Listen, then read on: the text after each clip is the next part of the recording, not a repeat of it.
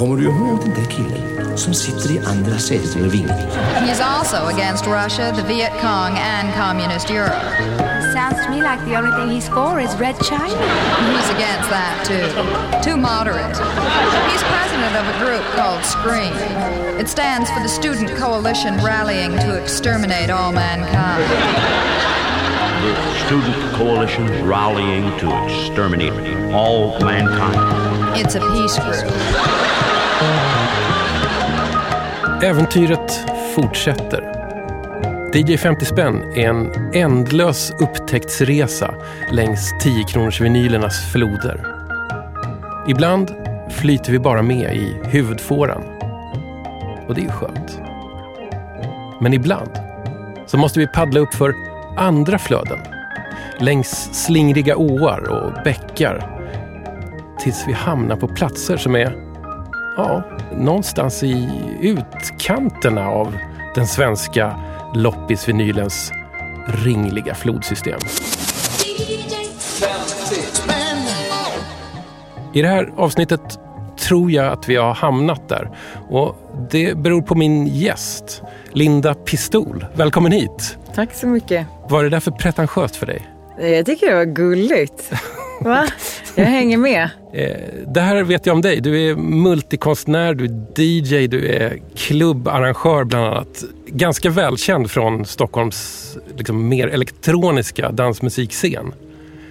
Jag vet en annan sak om dig också det här året. Du har åkt jävligt mycket båt. Eller hur? Jag har åkt skitmycket båt. För att någon gång i våras tror jag det var så startade du liksom en, en eh, klubb som var ombord på båtar, eller vad man ska säga. Jag, alltså jag startade den året innan faktiskt. Jaha. Jag har haft den i två år. Och det är ju främst för att jag själv gillar att åka båt. Okej. När man är stockholmare, det är inte så givet att man har en båt. Nej. Eh. Och om du känner en polare som har en båt så är han säkert så less på alla som bara ska åka med hela tiden. Precis. Så han kommer mörka, eller Ja. hon, kommer mörka att det finns en båt. Precis. Och så tänkte jag så här, vad fan. Nej men så här, om man tittar ute i världen. Alltså du åker till Grekland, du åker till liksom vad fan som helst, Kroatien. Då har de fest på båt. Det är en sån otroligt fin inramning och det är ju någonting vi gör när vi är på semester. Varför inte bara köra semester hemma? Ja. För, för man stänger ju insläppet också. Så folk får möjlighet till att lära känna varandra på båten. Ja, just det. När den är ute till havs så kan man inte bara så här, ghosta hem. Men det, det här kallas för departure och Mm. när jag hörde talas om det här först så trodde jag att det på något sätt hängde ihop lite med liksom, coronaviruset och alla så här konstiga liksom, restriktioner för krogar och klubbar. Mm. Men, men det har det inte alltså? Alltså jag kunde ju liksom anpassa mitt koncept väldigt lätt. Ja. I och med att jag hade det året innan och så kom alla restriktionerna så var jag så här, men, men jag kan ju fortfarande ha fest, jag behöver bara vara 50 pers. Och så började jag läsa på och sen så anpassade jag mig väldigt mycket till rekommendationerna. Ja. Och det gick vägen faktiskt. Vad spelar man för musik ombord? Jag har allt från liksom Daniel Araya som har kommit och spelat live med sina syntar. Och sen har jag haft Kajo Dele liksom, som kom och spelade och körde Take a Ride live på båten. Och sen har jag liksom jag haft stora artister också, så här, som Kari Lekebusch inom elektroniska dansscenen. Och, och särskilt det här året var det ju ett skämt. Alltså, alla var ju hemma. Ja, just det. Jag hade La Mm. Fleur på besök. Alltså, jag hade jätte, jättefet line-up. Alltså. Tack vare liksom alla nedstängningar och restriktioner. Ja, alltså alla satt ju hemma och var lite sugna på att spela. Liksom. Okej Linda, jag är, glad att du är här. Du har fått det här uppdraget. Du har fullföljt det och du har en skivkasse med dig här. Ja. Jag trodde nog att du skulle liksom gräva upp lite alltså 10 kronors techno. För, Ja. för det är ju någonting man faktiskt kan hitta i Stockholm om man vet vart man ska gå och vet, vet hur man ska leta. Men du har lite annat med dig faktiskt. ja, men jag tänkte att det skulle vara inte för lätt. Nej. Men liksom, jag gillar utmaningar. Och jag tycker om gen- olika genrer. Och, och nu kände jag lite så här, bara fan, så lyssna igenom dina, många av dina poddar här. Och så kände jag så här, nej men, det fattas något. Så jag ville contribute med lite, med lite Terabecke blir det väl en del av i alla fall. Då kör vi igång. Chansningen.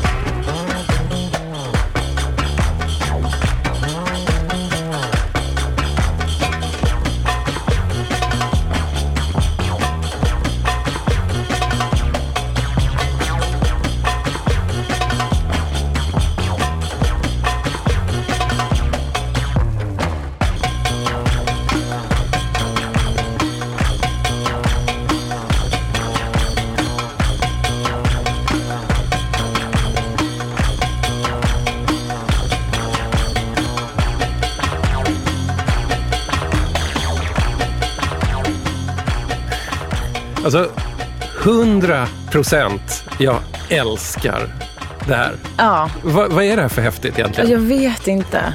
Jag njuter också bara. Jag hoppas att det här är nya eran av disco-edits. Vi ska försöka uttyda vad det är. Anony and Mouse. Okej. Ja. The Nile Files, alltså en tolva som du har hittat. Eh, Otrolig. Eh, det är lika mycket haschrock med onda bubbelsyntar som det är Mellanöstern disco klipp och klistra edit. Jag, jag kan inte ens säga vilket år det här skulle kunna vara ifrån. Nej. Jag vet ju vilket år den är ifrån. Det vet väl kanske du också om du har tittat. Eh, ja, det, 2007 ska den ha kommit ut. eller vänta, jag, jag tror att det stod 2017. Nej, faktiskt. 2017. Shit. Ja, det Okej. bara bevisar ju att den är, eh, den är så konstig så att den är tidlös. Om du fattar vad jag menar. Mm. Ja, jag diggar den. Man känner sig så här tuff, tycker jag. Ja. Och, och som sagt, man, man får sån där haschstämning. Men det är ju också den här psyk, e, psyk ehm, genren som gör det. Jag tycker att den ofta, ofta gör det väldigt tid, tidlöst. Ja. Alltså, vi har försökt eh, klura ut vilka som ligger bakom det här. Ja. EPn heter The Nile Files av några som kallar sig för Anony and Mouse. Och de har en fantastisk artistbiografi om man kollar upp dem på Discogs. Eh, jag måste citera. Läs, snälla. Mm. Anony and Mausa. International Men of Mystery. Redan där har de mig. They hold multiple nationalities and travel between the Middle East and Europe where they attend vegan cooking classes and hold lectures about the hazards of practicing black magic and pilates. Ironin. Älskar det. Ja, men vi, vi har fortfarande inte fått någon mer info. Fast jag tycker att den beskrivningen beskriver väldigt mycket den tidseran som är nu. Eh, ja. Alltså pilates och black magic, eller? Jag vet inte. Jo, men vet du vad? Jag har också märkt av att det finns ett väldigt häxeriintresse mitt bland allt yogande och pilates och gymmande. Men jag tror att det är det här digitala, rädslan för att din, robotarna ska ta över så att man går tillbaka till det analoga och människan. Bra teori. Det förklarar lite, för, för att jag vet också, när vi ändå är inne på det här spåret, så har jag också märkt att sen ett par år tillbaks, ungefär lika länge kanske som vi har varit väldigt digitala, så har ju liksom astrologin kommit tillbaks. Ja, vilket stjärntecken är du? Eh, Jag är skytt, vad är du? Åh jävlar, skytt alltså. Jag, vet- men jag vet inte hur skyttar är. Ja, men de, är, de kör sin, sitt egna race alltså. Väldigt målinriktade. Ja. Nej, jag, jag är inte skitbra på det där. Nej. Men jag vet att man kanske ska akta sig för skyttar om man är kräfta. Okej, Och det är du? Jättekänslig. Säg inte det till någon.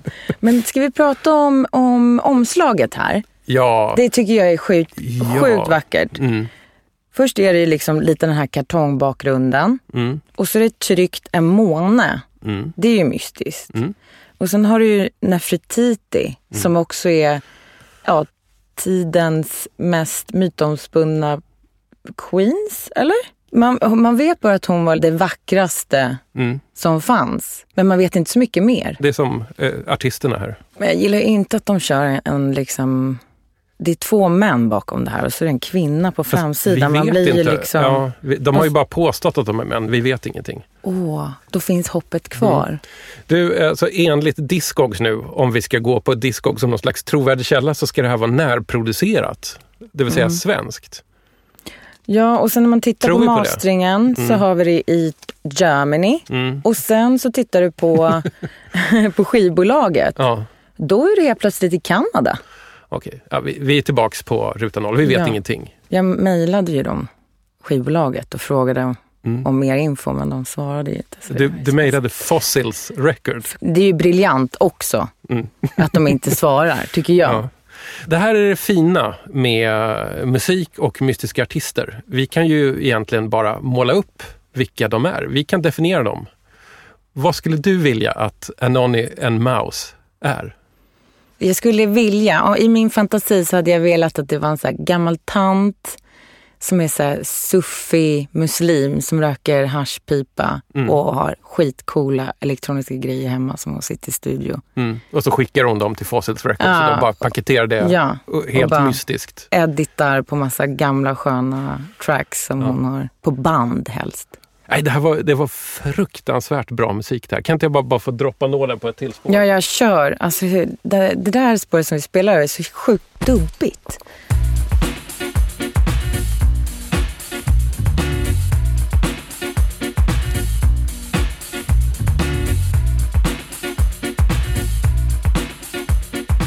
Man måste dansa med axlarna. Ja, men det kommer naturligt av den här musiken. Men man får så här Baris K-vibb. Vet du om det? Jag, jag vet om det är av den enkla anledningen att jag någon gång hade råkat lyssna på Baris Mancho. Alltså en turkisk 70-talsrockare som är så jävla grym. Och jag började googla och då var det helt plötsligt så här, Baris K. Det är väl säkert samma, men det var det ju inte. Alltså psykedelisk turkisk musik, skitmycket edits.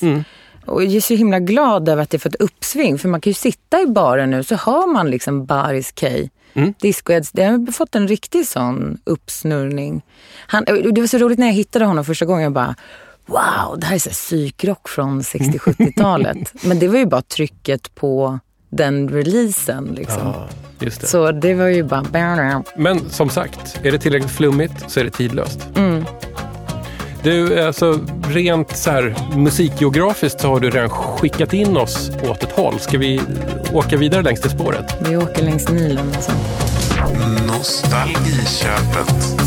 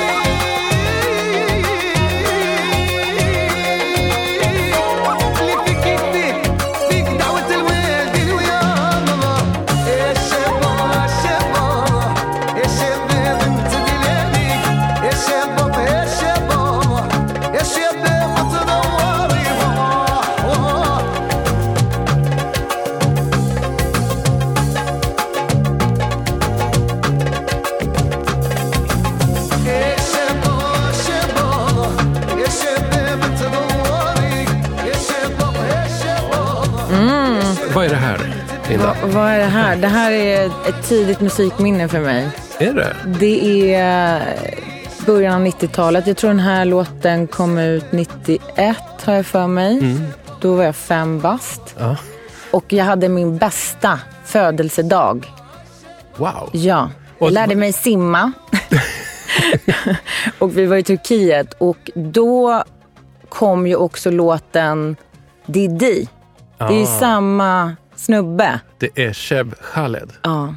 Ursäkta mitt uttal, jag är inte Ja bra men på alltså arabiska. gud, jag är också ute och vandrar där. Jag vet inte, Khaled kanske man Eh, säger. och den här låten heter Cheba. Och jag är inte svinduktig på arabiska. Det enda som jag kan ta från refräng- refrängen är liksom Binte Biled. Och det är liksom en ung, vacker kvinna. Liksom. Oavsett språkkunskaper så får man ändå den vibben av den här Ja. låten att det handlar om en...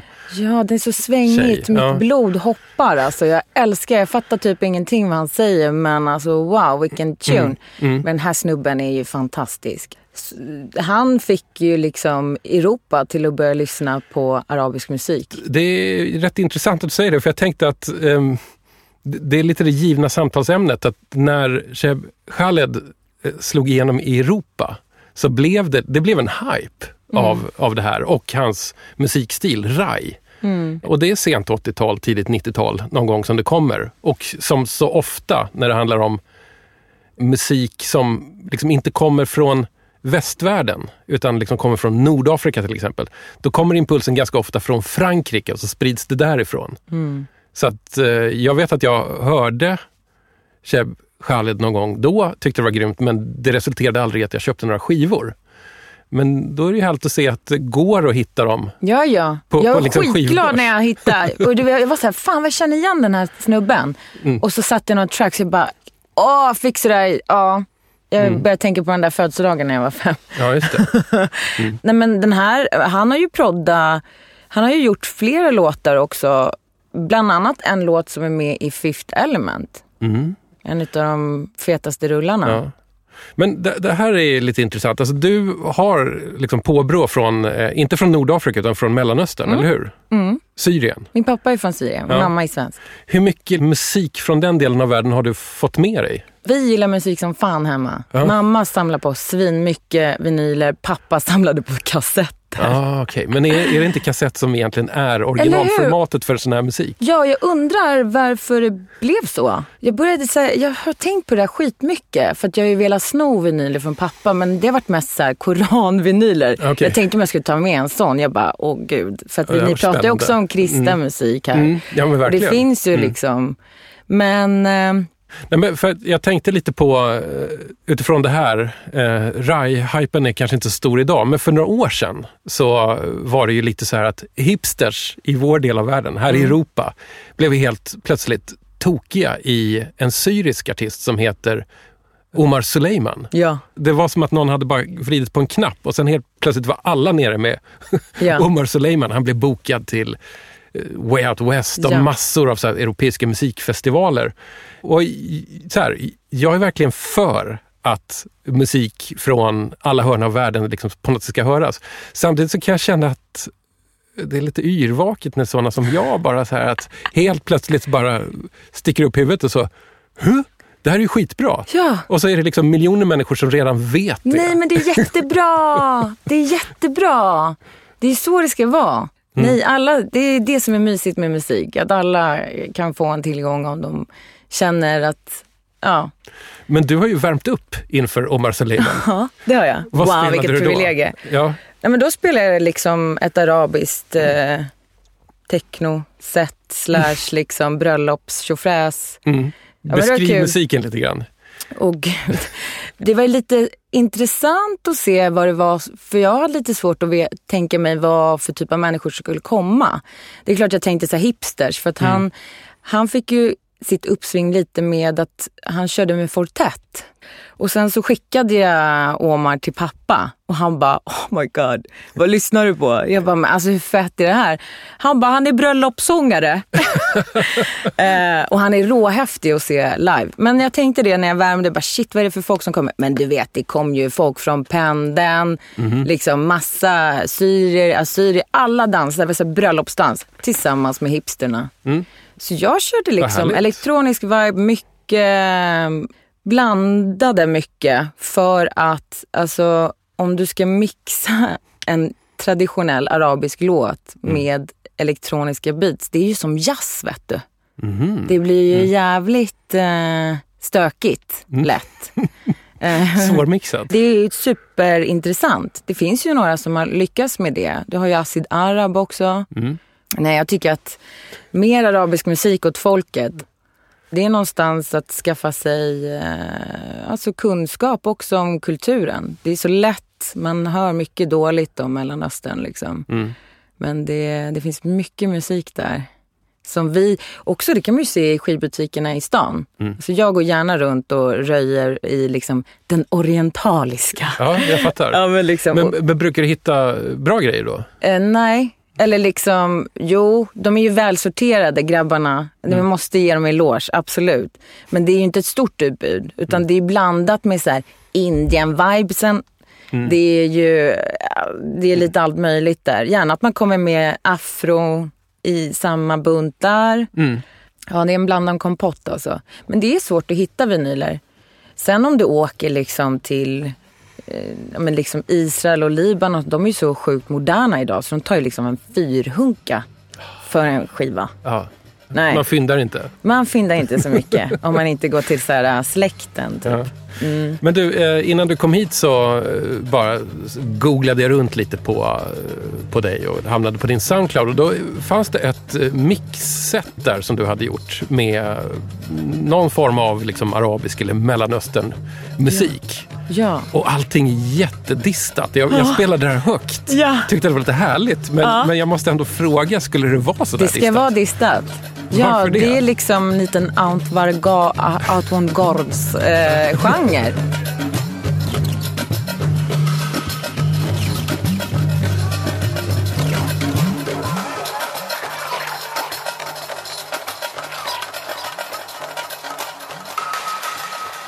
Ja, mycket, ja, men det är mycket dist.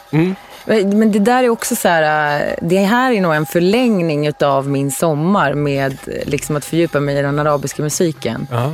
Och innan så kände jag väl också så här, ah, det måste vara elektroniskt. Och nu börjar jag gå mer och mer åt det hållet som jag håller på kanske med svensk musik, alltså disco-edits. Och bli så här, men kan man inte ta gammalt och göra nytt av det? Varför måste det vara så himla tufft liksom med technon och någon terabecker som kan inte få vara så samplat och skoj. Men ja, det, det mixtapet eh, gjorde jag på en annan radio. Ja. Jag lägger en länk eh, till den här mixen från dj50spann.se så har ni lite förlängd lyssning efter det här. Jag tänker att vi eh, håller oss kvar i någon slags edit eller remixvärld en stund. Full mix, Linda, eller extended mix. Vi kan Vad välja här. betyder det då? Full mix heter även played in full mix. Så jag tror att det är en liten lek med eh, ett par hiphopartister från andra sidan pölen. Ja, gud.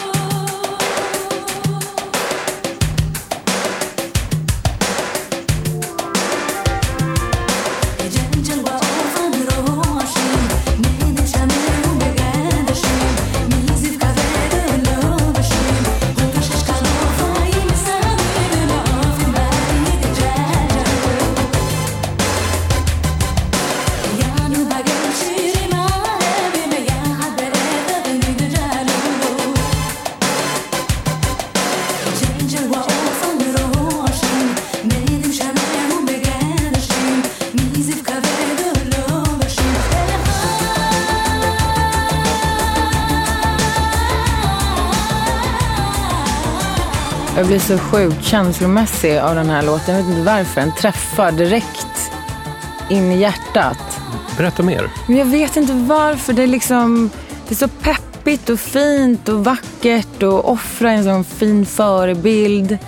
Hon lever också så här mycket utanförskap i Israel. Hon var uppvuxen där men med rötterna från Jemen. Just det. Alltså hela den biten, du vet man hör det. Det är en änglalik röst också. Ah. Den lite ljuvare delen av sången Mm. Är ju bara så fin. Ja, Det kan man nästan glömma bort för att den här låten också är tuff. Den har så bra långsamt elektroniskt groove som är rätt... Det är ett, eh, på, på sätt och vis ett mästerverk. verkligen. Alltså man vill dansa men det känns också religiöst på något sätt med den här finsången. För den som inte vet det så är det här Imnin Alu med Ofra Hasa och vi lyssnade alltså på Played in Full-mixen Ja. av den.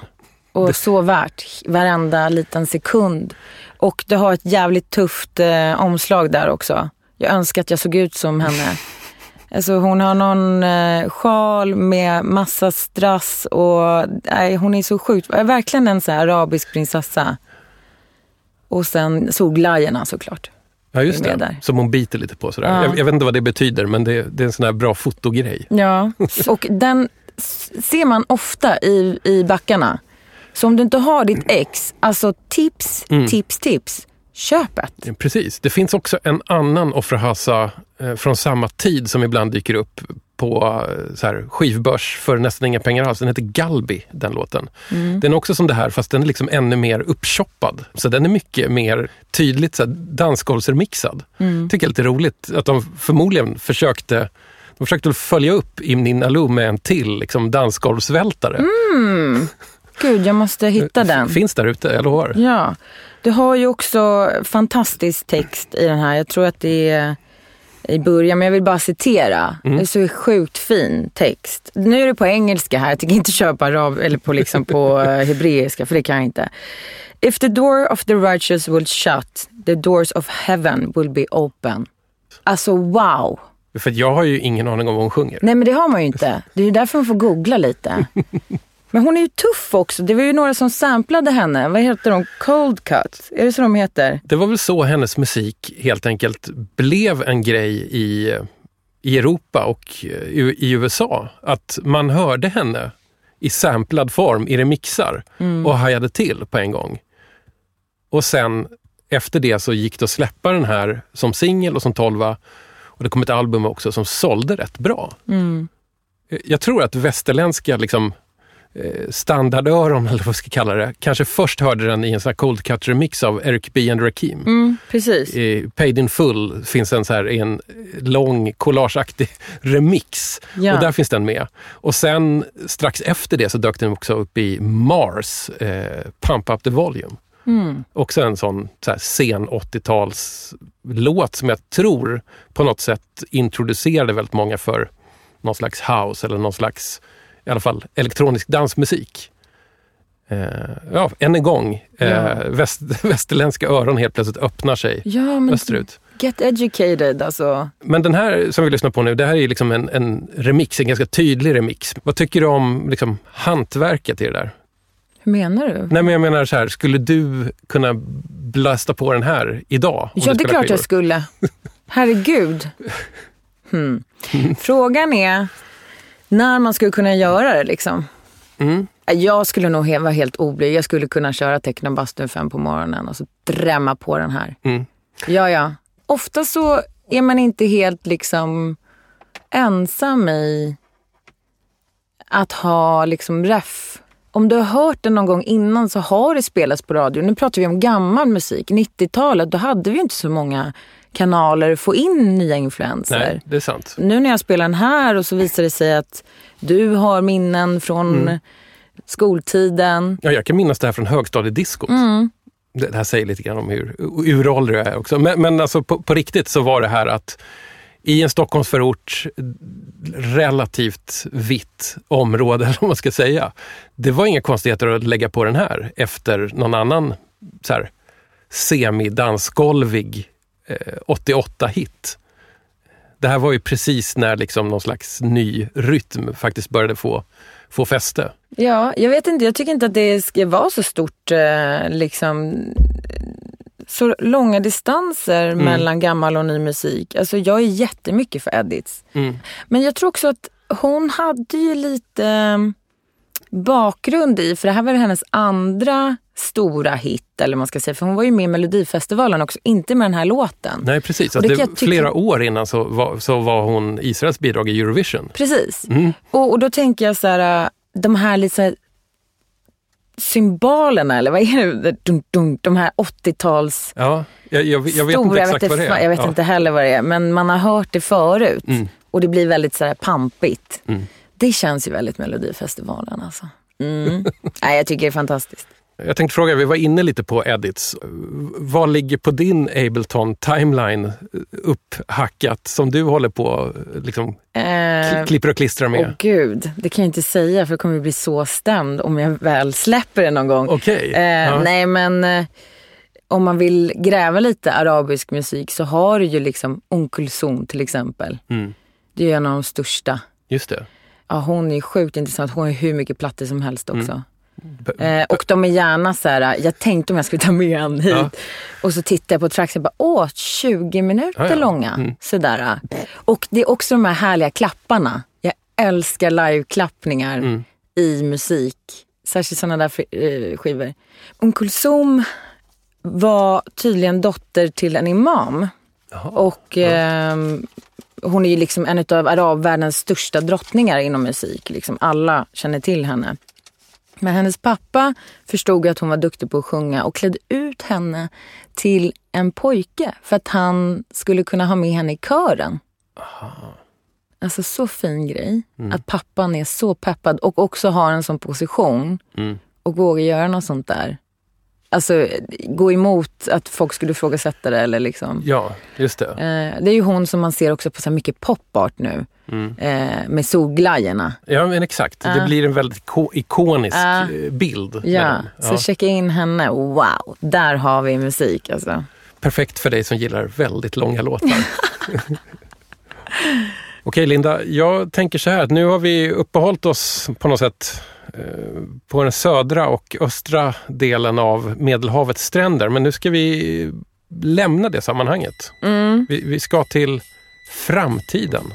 Ja, Eller en framtid som redan kanske är skrotad. Jag vet inte. ja 70-talet.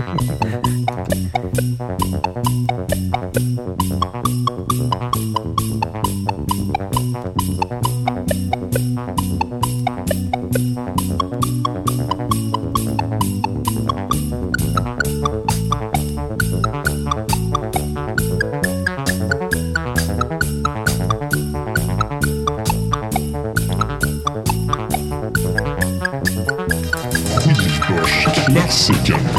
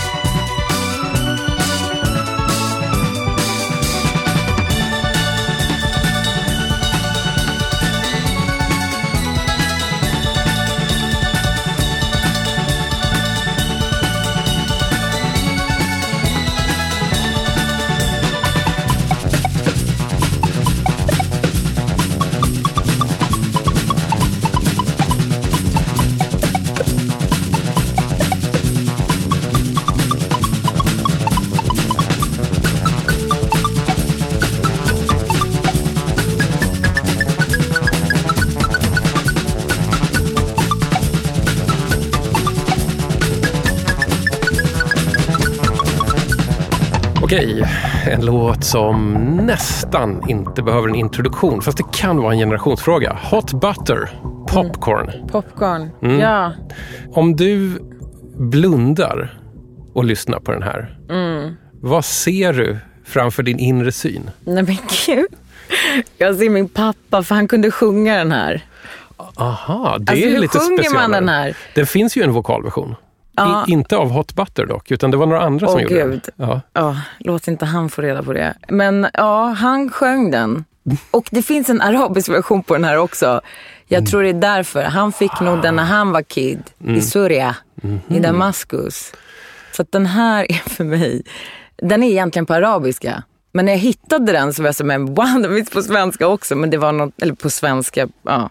Det här är ju egentligen cover också. ja, det är det. Det är inte originalet. Men Hot Butter fick den stora hitten med den här. Mm. Eh, låten är ju från början gjord av någon som heter Gershon Kingsley. Mm. Som var ganska tidig på att göra så kallade Moog-plattor. Alltså skivor som innehåller musik spelad på en Moog synthesizer. Och när det kom i slutet på 60-talet så var ju det det var framtiden. Det var så jävla maxat, tyckte alla. Att det var helt plötsligt en elektronisk musik som kunde låta på många olika sätt.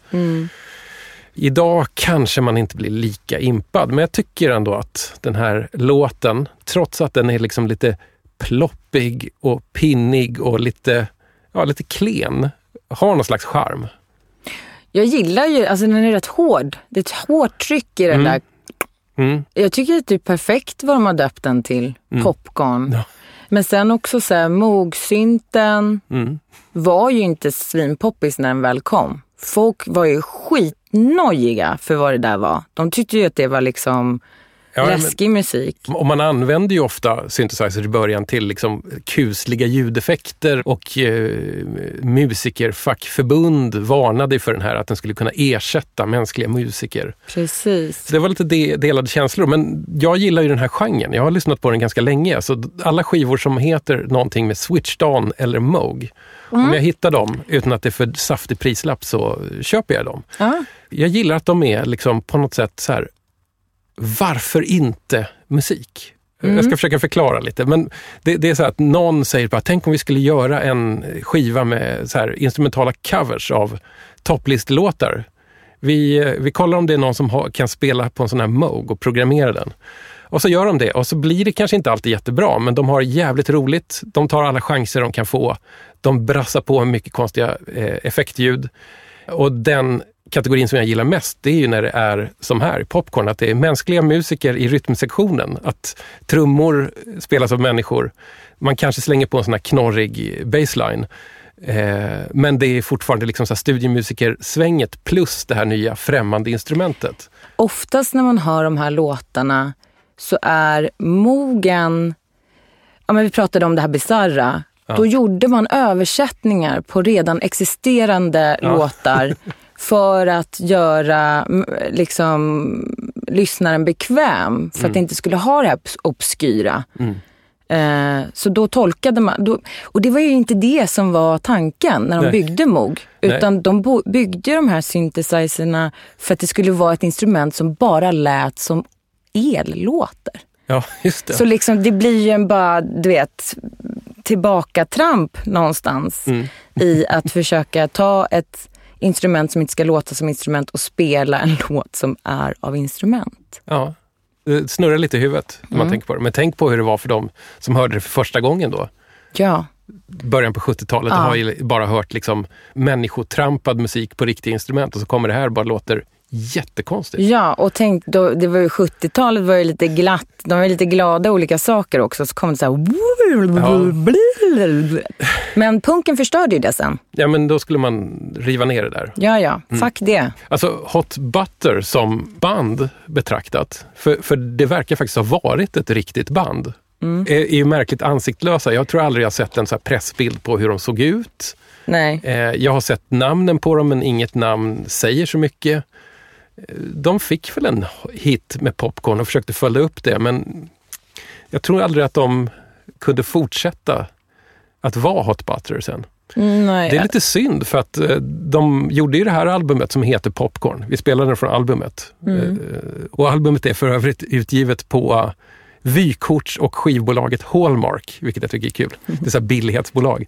Det finns några coola låtar på den här. Min favorit är nog när de tar sig an surfrockklassikern Pipeline. Har du lyssnat på den? Nej. Jag måste nästan köra lite. Ja, vi kör.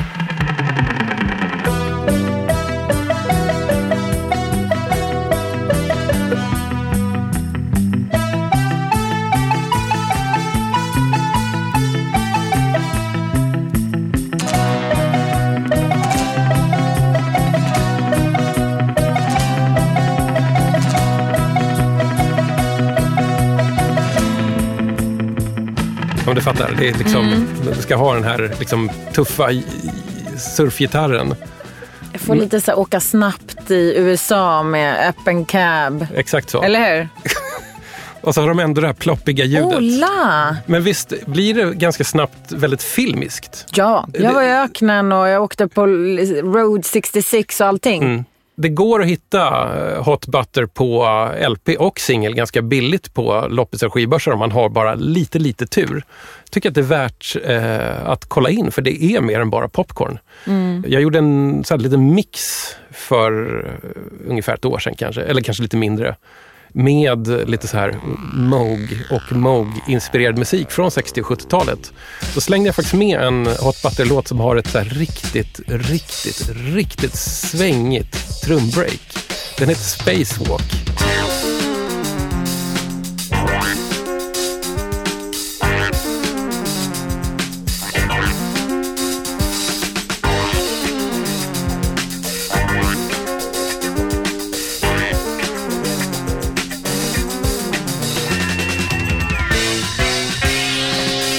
Den har också den här sköna grejen att den här, vad ska vi kalla det, lead-melodin spelad på synt låter väldigt falskt. Och det är en grej som får mig att gå igång.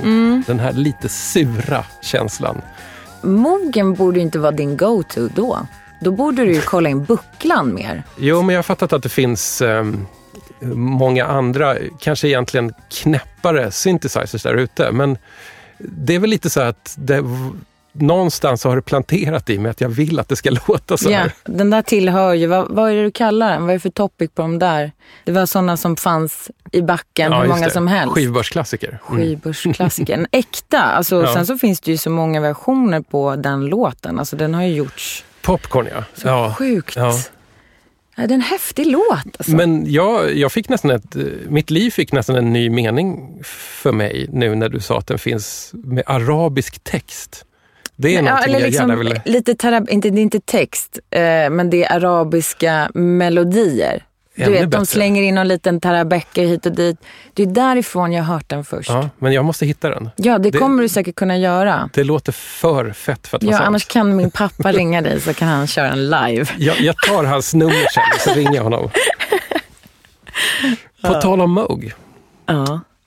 ska vi ta nästa? Alltså wow, jag blev skit... Först var jag så jävla nojig över det här. Stäng ögonen och bara plocka en skiva.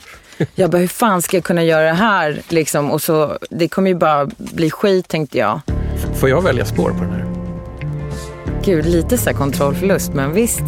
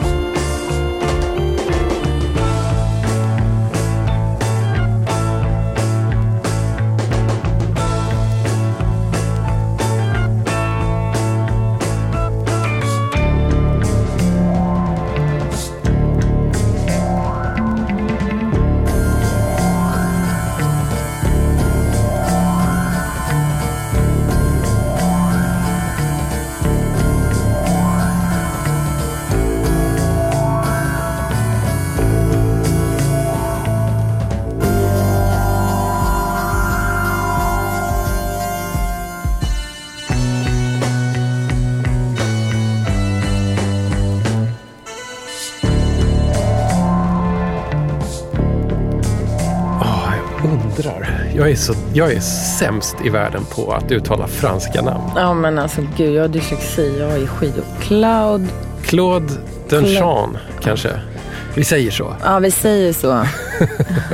Ja, jävlar Linda. Godbit efter godbit. Nej men alltså, det var ju blunda och bara plocka. Vä- välsorterad skivbörs. Då, då är du född tackar. under en lycklig stjärna om du får upp Claude Dunchamp. Förlåt uttalet, jag är sämst på franska. Och skivan heter helt enkelt bara Moog. Mm. Som, alltså synthesizern. Så nu en, en till Moog-platta här.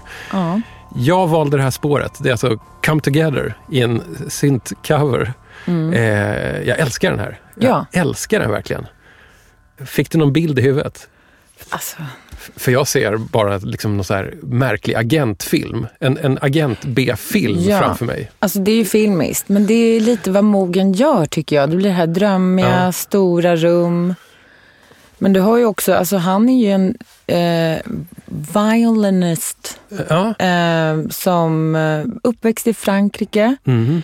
Drog till Kanada. Aha. blev liksom Mm. elektroniskt frälst i mogen och bara körde det här spåret. Mm. Men det kanske förklarar de stora rummen. Om han kommer från en symfonisk bakgrund Ja, så kan man ju kanske höra det där filmiska. Mm.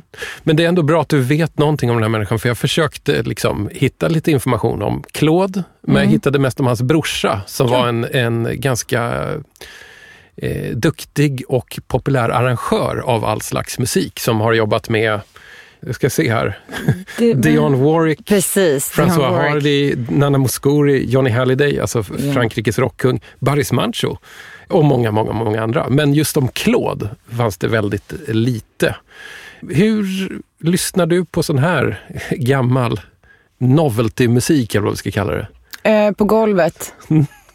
Lägger mig på golvet, Ja, blundar ja, och drömmer mig bort. ja vad skönt. Bara välkomnar massa bilder och åker iväg på någon liten resa. Jag diggar ju sånt här alltså. Ja, jag gör också, men jag tar nog på någon slags musikarkeologiska glasögon och hörlurar för att jag vill förstå lite hur de tänkte och varför de gjorde så mycket sådana här skivor. Utan att det finns kanske några uttalade svar på det. Men det är en sak som jag ofta tänker på när man lyssnar på sådana här gamla elektroniska skivor. Framförallt de som heter någonting med Moog eller Switched On. Och det är ju att det här nya instrumentet tyckte man uppenbarligen var så pass maxat att man inte processade ljudet så mycket från det. Oftast så är det bara linat rakt in i inspelningsmaskineriet och så är det bara vad som kommer ur maskinen. Men om du jämför med hur man till exempel jobbade med en Hammond-orgel så skulle det gärna vara liksom både dist och Leslie, en sån här snurrande högtalare som ger eh, vibrato eller tremolo. Eller gitarrer. Effektboxarna var ju mängder redan i slutet på 60-talet. Men just Mogen är liksom bara oprocessad vad den är. Jag tycker Men- att det är ändå lite konstigt för att ofta låter den ju inte egentligen så vackert. Tycker du inte? Jag tycker det låter coolt men inte vackert. Jag tycker det låter hur vackert som helst. Men jag gillar ju kanske mer den här genren där man inte... Nu, nu är ju här en cover med mogen. Mm. Ja, liksom. precis. Det är, ett- Och- det är ett lustmord av och Beatles. Nej, det är en hyllning till Beatles. Det är en hyllning säkert. Eh, Men jag får ju lite eksem.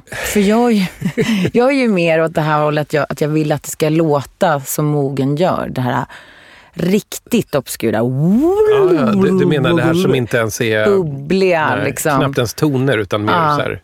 Ja. Crazy, crazy alltså. Mm. Det är som bara är som kanske rymden låter. Ja. Ja, men hur el processas och, och ja, hur man leker med oscillatorer. Jag, jag har en otrolig kärlek för det. Mm. Och sen så tycker jag att det är en sån frihet med den typen av instrument för att du behöver inte vara klassiskt skolad. Och Nej. jag som kommer från en DJ-bakgrund ja, just det. och bara få hålla på med knappar och, Mm. och rattar. Alltså det får ju mig till att öppna upp ett konstnärskap.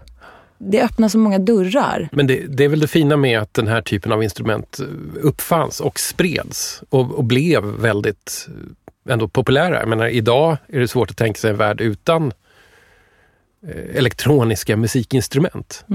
Men det här var också väldigt preppy. Alltså mogen anses ju vara den lite tjusigare så? instrumentet Ja. inom eh, synthesizers. Mhm. Du har ju också bucklan Mm. eh, som det inte finns jättemånga ex av idag som är liksom den lilla svarta fåret. Ja, just det. Men det var väl för att uppfinnaren, alltså han, hette han Donald Bukla?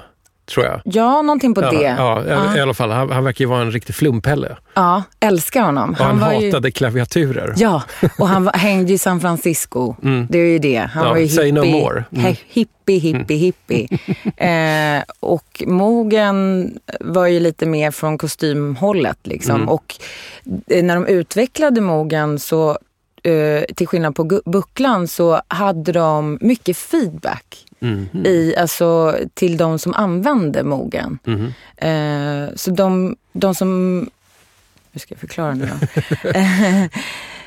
Nej, men att, att de, de som skulle spela på den så småningom fick tycka till och, och liksom bli delaktiga i framtagandet. Mm. Ja, precis. Vilket gjorde den mer användarvänlig. Och Ja. de, eh, bucklan har ju mer ett eh, strävt ljud och inte lika mycket filter. Nej, okej. Mm. Så där har, ja men det är lite mer rugged. Jag tycker det är skitkul och det har ju öppnat upp, det är också så här roligt att se, det har ju fått ett uppsving nu. Mm. Eh, man kan ju köpa moduler, Precis. Eh, en, Eurorack och bygga själv Ja. och löda och sånt där. Är, jag, jag, jag känner flera stycken som har gjort det och det, det är lite så här att det öppnar dörrar till ny slags musik på det sättet att eh, de sällan gör de sällan, förlåt alla jag känner som har skaffat Eurorack, men det är faktiskt så att ni så fort ni har börjat bygga era modulsyntsystem så slutar ni att göra låtar. Ja, de släpper ingenting. Nej. Utan man sitter bara hemma på golvet Ja. och lyssnar. Det är rekreativt. Ja.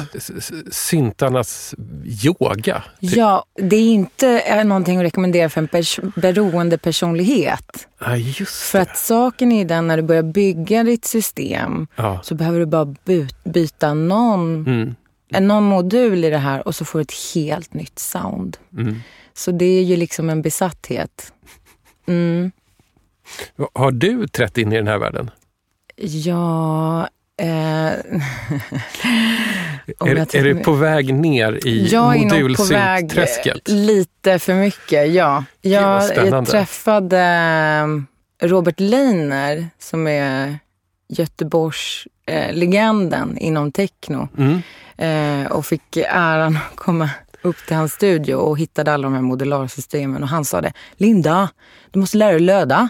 Du vet såhär, ah. och sen dess var jag såhär, fan det där verkar skitsvårt och det tycker jag är roligt när det blir svårt. Mm. Så um, nu så har jag faktiskt fått möjligheten till att eh, vistas på EMS. Och där har de ju Bucklan. Just det, elektronmusikstudion här i Stockholm. Ja, och de har ju en väldigt välbevarad buckla. Jag tror att det är en av de mest välbevarade i världen. Mm. För det här, är, det här är en gammal liksom, originalmaskin från, inte vet jag, 60-70-talet någon gång. Ja, Mm. och eh, det kommer ju folk från hela världen. Och, eh, Ska klämma på den. Precis. Så nu ska jag få lära mig patcha den, äntligen. Mm. Så det kommer nog eh, kanske bli så att man vill ha en sån hemma. Så, och bucklan är ju lite för dyr för det, så det kommer säkert bli någon Eurorack Mm. i framtiden. Men jag tycker också att det är, när man spelar skivor så pass länge så vill man, för mig i alla fall, jag vill utvecklas. Mm. Och en dröm hade ju varit att kanske få spela live och då se liksom ett modularsystem som, som Mm. det instrumentet. Som jag skulle kunna tänka mig. Det låter ju lite som att du kanske har din framtid utstakad här. Vi får se. För det, får verk, se. det verkar också vara en, en, eh, om man ser på det som någon slags hobby, så finns det inget slut på den. Du kan alltid bygga om ditt modulsyntsystem. Precis, jag blir Du kan alltid byta delar, du kan alltid löda lite mer. Det kommer aldrig bli klart, det kommer aldrig släppas någonting. Vänta inte på någonting. Linda, vi har alltså ganska snabbt åkt igenom dina fem skivor. En rätt häftig resa måste jag Ja, säga. men tack så mycket. Jag bad dig ta med en bonus också, en livlina brukar jag kalla dem. Ja. Vill du säga någonting innan vi lyssnar på den? Jag vill säga att eh, som eh, liksom ung Ja. och få ha en annan kvinna som har arabiska rötter. Det fanns inte så många. Eh, och det, jag skulle aldrig säga att det inte var den bästa förebilden. Jag tycker att eh, den här kvinnan som vi kommer lira nu är fan Sveriges stolthet alltså. Step back, relax, and chill as The back, I'm not here to ill. Laying knowledge through the mic, hide with a beast like this for your delight. Cooling in the crib,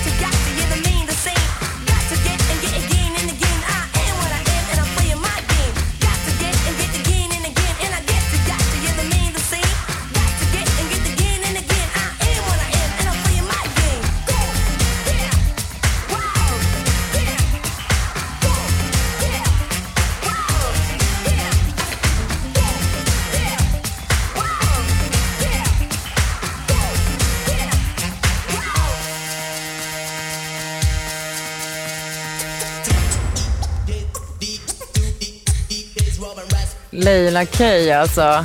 Va? 89?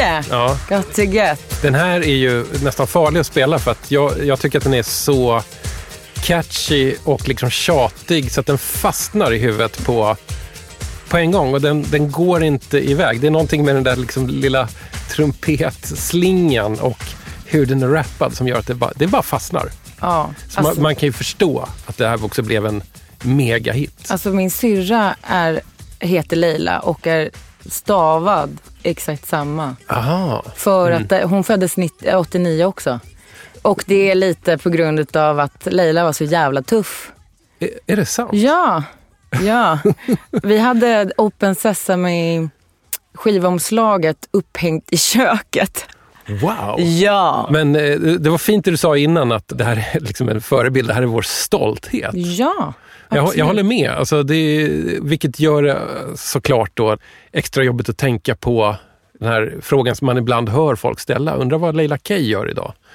Ja. Det, Alltså ja. men det är ju så, alla har ju sina alltså öden. Alltså det är ju så i musikvärlden, Mm. Verkligen. tyvärr. Mm. Alltså det är ett känsligt yrke.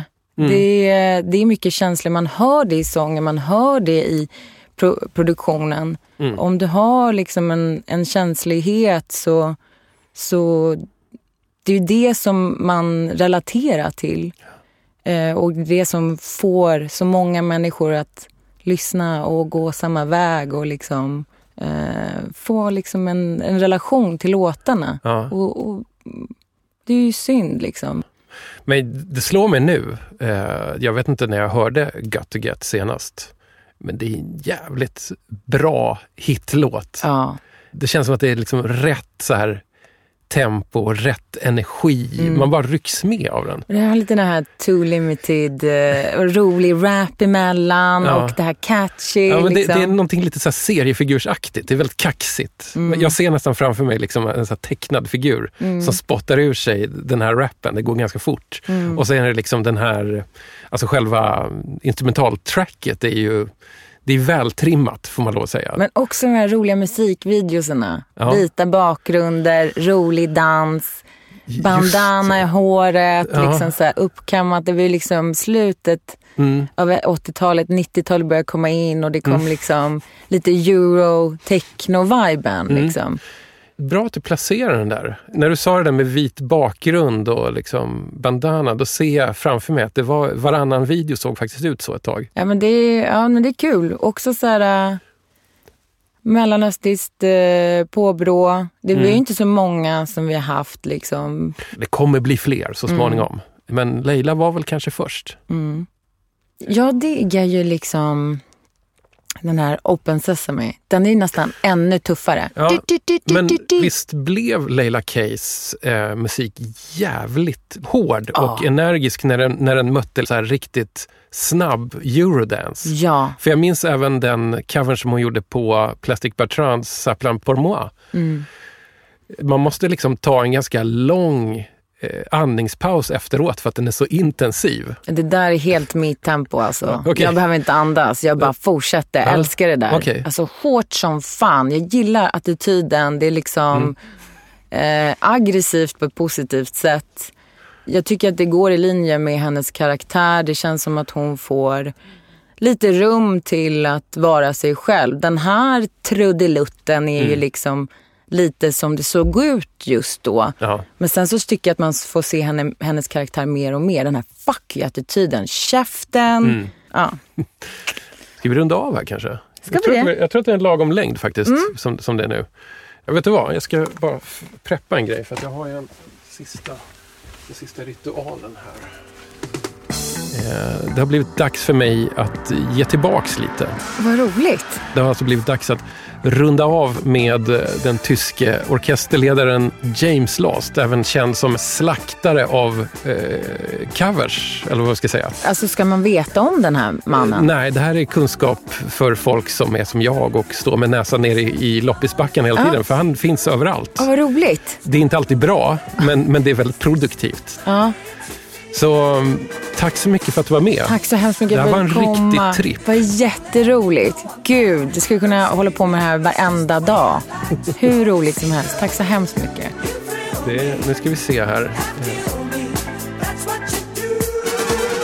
Helt ärligt, det, det låter ganska ofta som som tv-showmusik från Ja. slutet på 70-talet. Men det finns något lite härligt i det. det. Jag har ju en förkärlek till Thomas Ledin. Det är ju min Spännande. guilty pleasure-man. Jag